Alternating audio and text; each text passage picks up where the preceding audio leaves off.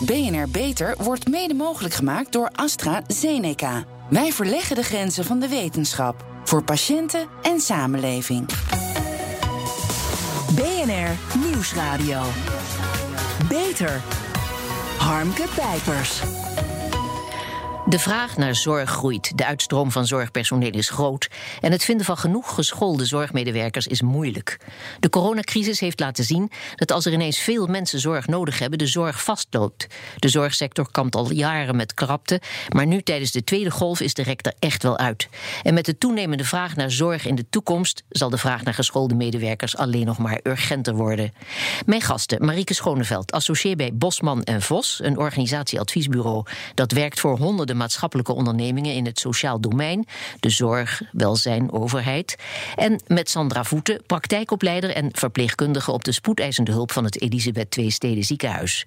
Ja, over de aantrekkelijkheid van het werkgeverschap. Hoe zorg je dat mensen in jouw ziekenhuis of instelling willen werken en willen blijven werken? Marieke, jij mag beginnen. Wat maakt een werkgever in de zorg aantrekkelijk? Wat een fijne vraag. Nou, ik denk dat alle zorgmedewerkers hebben heel veel hart voor de patiënt. Uh, maar wat iedereen nodig heeft, is een luisterend oor, een prettige werksfeer en steun. En dat geldt uh, des te meer voor zorgmedewerkers in, uh, in opleiding. Want in de zorg is, het, is leren en werken extra spannend. Want fouten maken, dat wil je natuurlijk niet. Dat, gaat, dat kan katastrale gevolgen hebben. Dus um, het samenwerken binnen de zorg is erg belangrijk. En ook het, dat er uh, naar de zorgmedewerkers geluisterd wordt. En dat zijn denk ik, behalve allerlei secundaire arbeidsvoorwaarden, is dat wel de kern. Ja, wie is er verantwoordelijk voor het scheppen van die voorwaarden? Is dat de werkgever, het bestuur? Of doen we het allemaal samen? Dat doen we zeker allemaal samen. Ik denk wel dat een raad van bestuur een uh, hele belangrijke rol he uh, heeft in het aanjagen en het op de agenda zetten van uh, dit thema. Ja, Sandra, er waren voor de pandemie al berichten over uh, te hoge werkdruk, veel administratieve lasten, slechte supervisie enzovoort. En nu door de coronacrisis wordt nog meer van het zorgpersoneel gevraagd, terwijl de wachtlijsten bovendien alleen maar groeien. Ja, is werken in de zorg eigenlijk nog wel leuk? Ja, als je het aan mij persoonlijk vraagt, ik vind het het mooiste vak wat, dat er is. En ik denk dat, er, uh, dat het ook blijft, dat er mensen gewoon zijn die, die de zorg het leukste vak blijven vinden dat het is. Um, het, is het, het, zijn de omstandigheden waar je het in doet, wat het mm -hmm. soms lastig maakt. Maar het werk op zich is het mooiste vak dat er is. Ja, en, en, en is er door alle aandacht tijdens de coronacrisis meer belangstelling gekomen voor het zorgvak? Of laten mensen zich door dit soort uh, verhalen juist afschrikken? Um, er is meer belangstelling gekomen. Er is ook meer belangstelling gekomen voor de afdeling waar ik zelf op werk. Mm -hmm. um, eigenlijk in toenemende mate zelfs. Dus ik denk wel dat er een focus is gelegd uh, op de zorg, op het werk in de zorg. En uh, ik heb niet het idee dat mensen zich af laten schrikken door de corona. Ja, maar Marieke, hoe groot is het probleem van de personeelstekorten? Wat zie jij in de praktijk in de ziekenhuizen? En hoe, vangen de, hoe worden de tekorten nu opgevangen? Nou, ik denk het probleem was voor de corona al heel, uh, al heel groot. Ja. Um, ik, uh, uh, ik, mijn man is ook medisch specialist. die klaagt daar ook over. Het is moeilijk om aan goede verpleegkundigen te komen. Ja. En nu met de corona is dat, is, de, is dat alleen maar nijpender geworden. Um, dus ja, en de, de, wachtlijsten spreken voor zich, denk ik. Ja, want in 2040, ik begin maar even fijn over de toekomst ja. te praten, dan hebben we een schatting 2 miljoen mensen nodig. Hè? Nu werken er zo'n 1,4 ja. miljoen mensen, terwijl de behoefte aan zorg alleen maar toeneemt door vergrijzing en chronische ziekte. Um, Marieke, minister De Jonge lanceerde anderhalf jaar geleden het actieprogramma Werken in de Zorg. Met de ambitie om de personeelstekorten terug te brengen naar nul. Ja, hoe kan het dat daar tot nu toe uh, eigenlijk niks van terechtgekomen is? Nou, ik, ik ben persoonlijk van mening dat dat niet per se aan, uh, aan uh, de overheid uh, ligt. Alhoewel dingen zeker anders en beter kunnen. Mm -hmm. Maar ik hoor, hoor, nog steeds zorgorganisaties zeggen... Um, bijvoorbeeld, ja, nu krijg ik een bak van niveau 2 op mijn stoep gezet. zij instromers. Hè, in, de, in de zorg oh. hebben we, werken we met verschillende opleidingsniveaus. Ja, ja. Maar daar kunnen we niks mee. En wat moeten we daar dan mee? En dan denk ik, ja... um, bestuurders, zorgorganisaties, uh, regionale uh, samenwerkingsverbanden. Ga aan de slag en pak dat probleem met elkaar uh, op en ga creatief nadenken. Ja. En niet alleen maar roepen dat het, de oplossingen niet werken. Ja. Ondertussen zei de onafhankelijke commissie Werken in de Zorg, hè, die het ministerie van Volksgezondheid mm -hmm. adviseert over de oplossing van het personeeltekort. De zorg is en blijft een vergiet. Maar in 2019 gingen maar liefst 152.000 mensen enthousiast in de zorg aan de slag. En binnen twee jaar was de helft weer vertrokken. Dus inderdaad, een vergiet, dat schiet niet op. wat gaat er nou mis? Nou, ik denk dat in de zorg uh, als uh, uh, geen zorgmedewerkers als geen ander behoefte hebben aan een luisterend oor, zowel van collega's als van leidinggevenden, een prettige werksfeer en steun. En dat geldt nog des te meer voor zorgmedewerkers die in opleiding zijn of die net starten. Want in de zorg is het leren extra spannend. Als je fouten maakt, dan kan dat hele fatale gevolgen hebben. Ja. Um, dus je moet het echt samen doen, met, ook samen met de oude rotten in het vak. En uh, ja, dat is best ingewikkeld in, in uh, een werkzetting waar de tekorten al heel uh, groot zijn. Maar ik vind dat we ons daar niet door tegen moeten laten houden. Nee, een van de oplossingen is regionale samenwerking, heb ik begrepen, tussen bestuurders. Want denk ik dan, doen ze dat nu niet? Of, of doen ze dat te weinig? Wat is het? Nou, toen ik twintig uh, jaar geleden aan mijn carrière begon, um, uh, heb ik meegemaakt dat um, zorgorganisaties uh, binnen een regio um, gingen flyeren in elkaars wijken, patiënten van elkaar probeerden te stelen. zorg die, die ja, wie krijgt welke zorg? Toen er ook meer gecentraliseerd ging worden. Hè? Ja. Het ziekenhuis moest zoveel operaties doen, anders raakten ze het kwijt. En ook heel erg de nadruk op uh, termen als productie, wat natuurlijk ja, wat je meer verwacht bij een koekjesfabriek. Ja. Um, ja, dat maakt dat, dat um, zorgorganisaties niet hebben geïnvesteerd in samenwerking, maar elkaar beconcurreren. Ja. En nu wordt eigenlijk van de, uh, uh, van de zorginstellingen gevraagd van joh, draai dat even in uh, zo kort mogelijke tijd 380 graden om. Ja, Sandra, de, daarover doorpratend, concurrerende zorgorganisaties, ja, het woord zegt het al, die zijn er dus niet happig op om hun kennis en ervaring te delen. Hè. De huidige financiering van de zorg en de marktwerking zijn een obstakel, zei commissievoorzitter Doekle Terpstra. Zorginstellingen krijgen niet betaald voor samenwerking, wel voor eigen productie.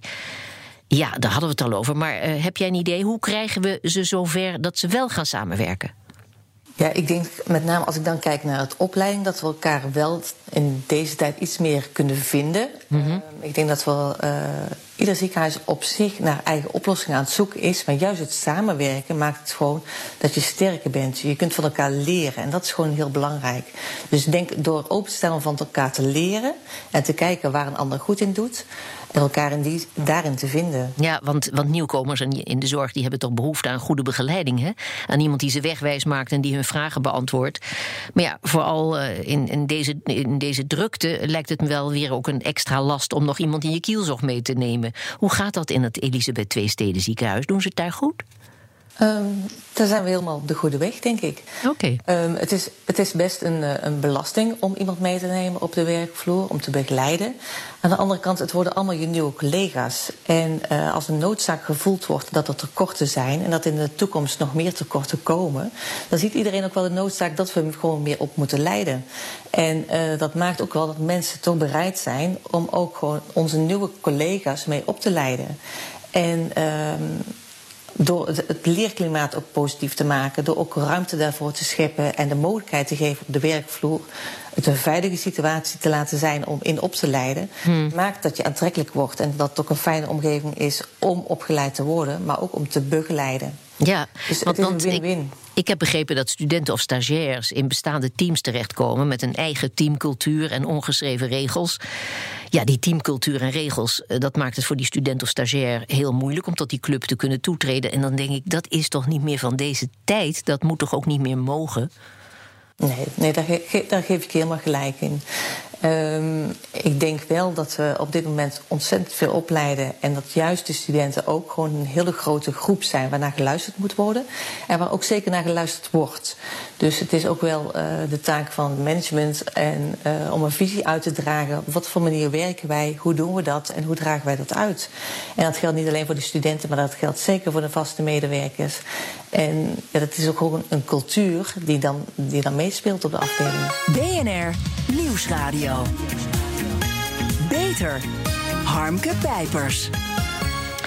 Van het zorgpersoneel dat jaarlijks uitstroomt is bijna een kwart nieuwkomer, blijkt uit een onderzoek onder 1500 jonge artsen door belangenvereniging De Jonge Specialist. Hun zorgcarrière heeft kortom niet zo lang mogen duren. En bovendien geven veel jonge medisch specialisten aan geregeld na te denken over eh, toch maar stoppen. Ja, zonde. Marieke, wat zijn de oorzaken? Wat denk jij? Nou, ik denk dat er uh, verschillende oorzaken zijn. Um, daar zit um, uh, één in dat er nog veel te veel in silo's wordt gedacht. Hmm. Um, we hebben de verpleegkundigen, we hebben de dokters, we hebben de verzorgenden, maar we hebben ook een opleidingsafdeling, we hebben een uh, personeelsafdeling en een financiële afdeling. Er moet veel meer um, over die muren, ook binnen een zorginstelling, heen gekeken worden. Hoe kunnen wij zorgen dat het leuk is om hier te werken en te blijven ja, werken? Maar vroeger was je arts voor het leven, hè? een mensenredder, een held. Ja. En een chirurg die zijn 40-jarig jubileum vierde, ja, dat was geen uitzondering. Maar dat is kennelijk niet meer wat nee. de jongere generatie ambieert. Vertel, uh, wat willen ze dan? Nou, of wat willen ze dan, uh, kan ik ook zeggen. Ja, ik kan heel erg uit eerste hand spreken, mm -hmm. uh, omdat ik getrouwd ben met een medisch specialist. Oh, dat helpt. En ja, dat helpt. Ja. En wat ik, uh, wat ik zie is dat, daar, um, uh, dat hij en vele collega's heel bevlogen aan hun opleiding starten. Uh, heel erg vanuit intrinsieke motivatie geneeskunde gaan doen. En die hele lange weg naar een specialisatie afleggen. Ja. Um, maar dan uh, zijn het toch een nieuwe generatie uh, dokters. Die uh, vaak ook een partner hebben die ook een drukke baan heeft. Of zelfs ook um, dokter is. Dan ook graag een gezin willen stichten. Toch ook mantelzorg willen geven aan ja. ouder wordende ouders. Ja, ik hoorde het. De jonge generatie wil ouderschapsverlof, flexibele werktijden. Ja. En ze willen bij het voetbalveld Klopt. staan om hun kinderen aan te moedigen. Ja, dat kan nu even niet. maar het zijn net mensen, zou ik maar zeggen. Hè?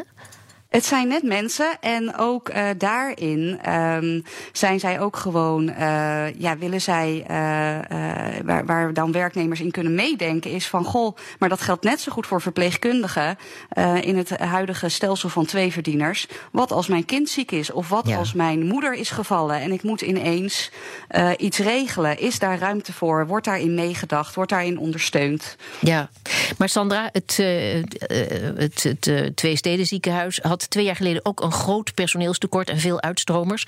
Maar jullie zijn op zoek gegaan naar een oplossing en met succes. Uh, want, Sandra, vertel, hoe hebben jullie dat probleem aangepakt?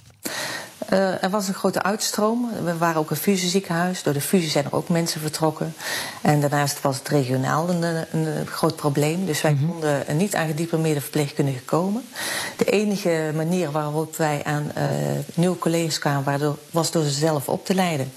Dus we hebben een andere begeleidingsstructuur op de afdeling uh, gekregen. En wij zijn eigenlijk van een werkklimaat naar een leerafdeling gegaan.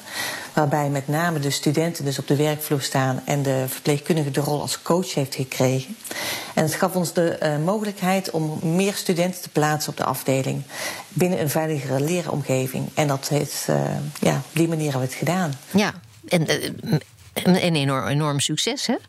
Want de resultaten zijn zo goed dat jullie nu 30 studenten, heb ik begrepen, op de afdeling hebben. En verwachten om volgend jaar voor het eerst in tijden weer op sterkte te zijn. Ja, we, zijn, uh, we hebben bijna 30 studenten op dit moment op de afdeling. En uh, het voorjaar hopen we uh, de eerste groep, of eind februari de eerste groep, grote groep af te ronden met de studie. Mm -hmm. Dus dan zijn we eigenlijk op formatie sinds lange tijd. En dat is, ja, dat is geweldig. Ja, ja. maar de geldkwestie speelt ook een belangrijke rol. Kregen jullie de steun van het bestuur en het management? Hoe hebben jullie dat project rondgekregen? Nou, het project is eigenlijk gestart op het moment dat er heel veel tekorten waren. Dat eigenlijk het water boven de lippen stond. Ja. En toen is, uh, is er ook geluisterd naar het door het bestuur, door het management, door het, de leer, het leerhuis, door PNO. Dus iedereen heeft meegedacht. En we hebben toen ook alle mogelijkheden gekregen om dit te ontwikkelen. En dat heeft ook wel gebracht waar we nu zijn. Dus doordat anderen luisterden buiten ons eigen eilandje van de spoedeisende hulp, hebben we dit uh, zo kunnen realiseren. Ja. Dus de mogelijkheden hebben we gekregen en uh, we zijn daarin gefaciliteerd. En dat is, dat is gewoon heel goed geweest. Ja, maar we hadden het al Ja, even over de cultuuromslag die er misschien nodig was. Hè?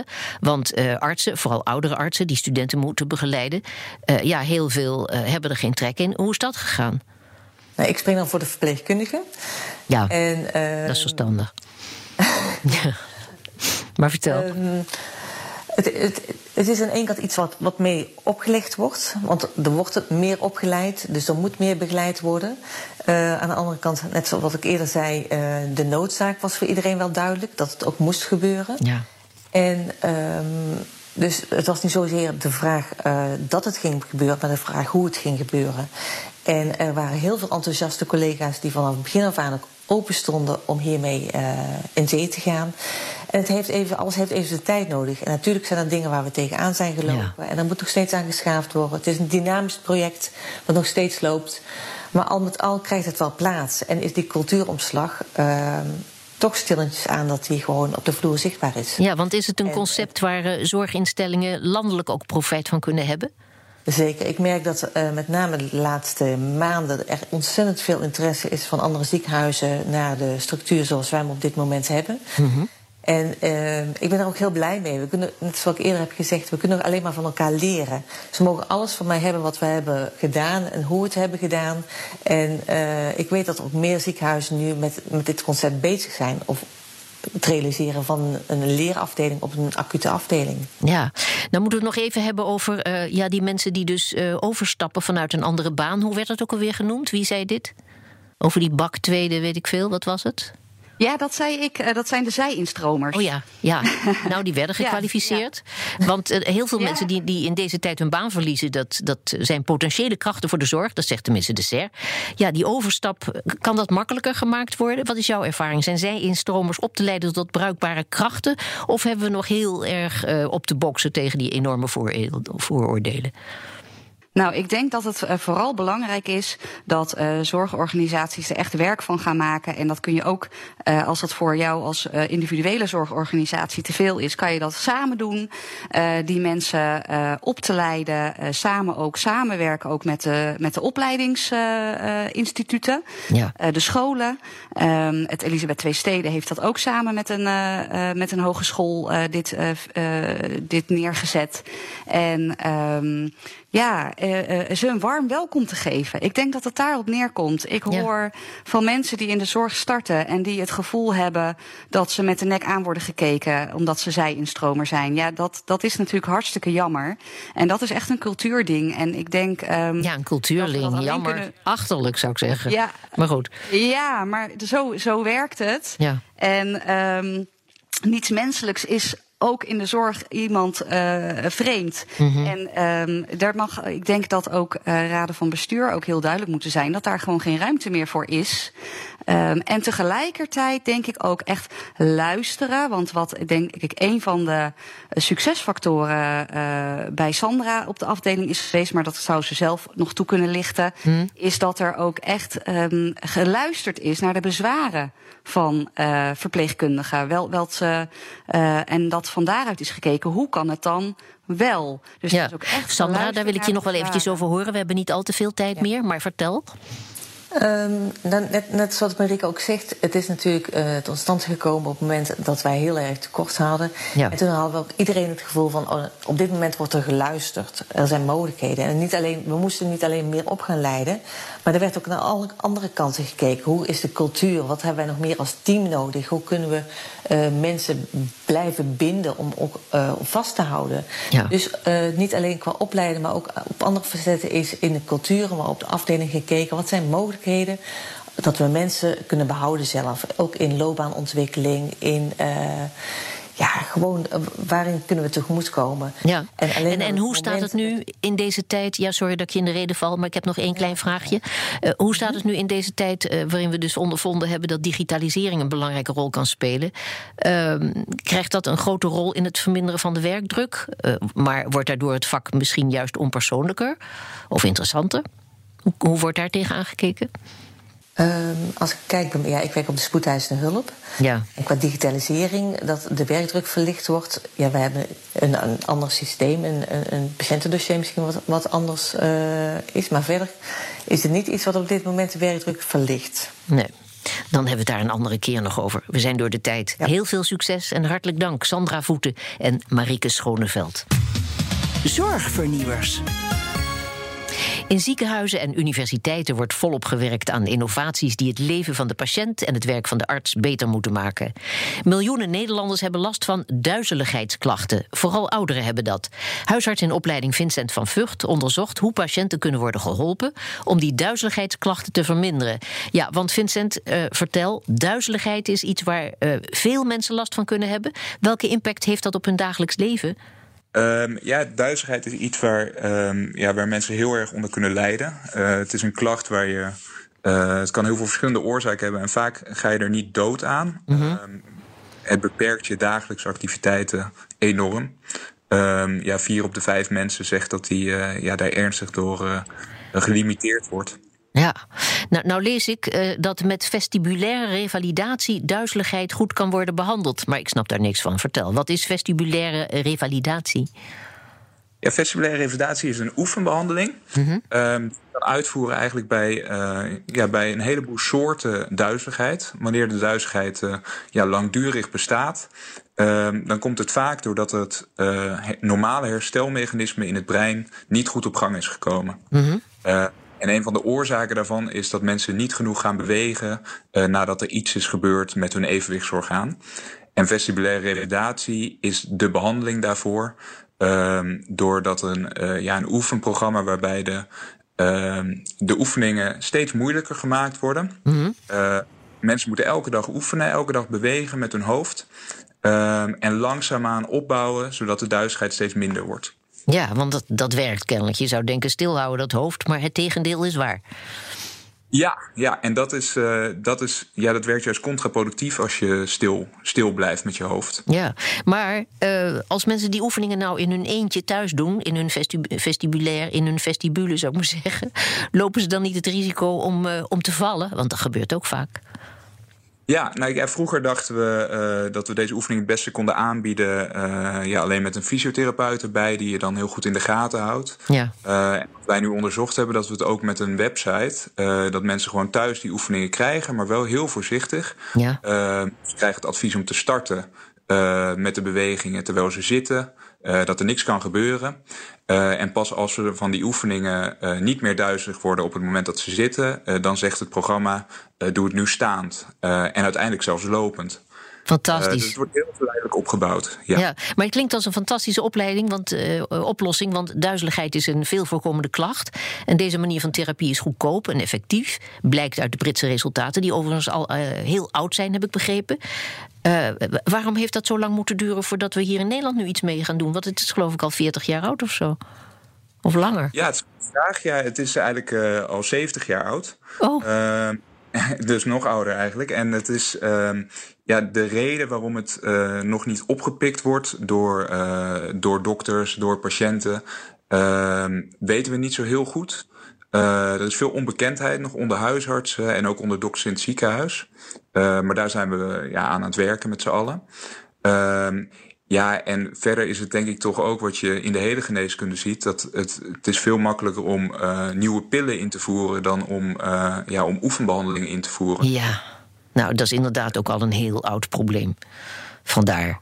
Oké, jullie zijn bezig met een website, heb ik begrepen, met alle oefeningen en informatie. Uh, maar de Brexit die zorgt voor wat vertraging. Dat is nou weer vervelend, want daar kwam het heel vandaan. Hopelijk kunnen heel veel mensen snel gebruik maken van die behandeling. Hartelijk dank, Vincent van Vught, en heel veel succes. Ja, en wilt u meer informatie over deze behandeling tegen langdurige duizeligheid? Kijk dan op onze site www.bnr.nl/slash beter. En tot zover deze uitzending van BNR Beter. Op bnr.nl/slash beter is deze uitzending terug te luisteren of on demand via de BNR. BNR-app en Spotify. En we zijn ook op Twitter te vinden onder BNR Beter. Dus heeft u tips voor ons? Laat het ons vooral weten. Ik ben Harmke Pijpers. Ik blijf nog even binnen. Graag tot een volgend spreekuur. BNR Beter wordt mede mogelijk gemaakt door AstraZeneca. Wij verleggen de grenzen van de wetenschap. Voor patiënten en samenleving.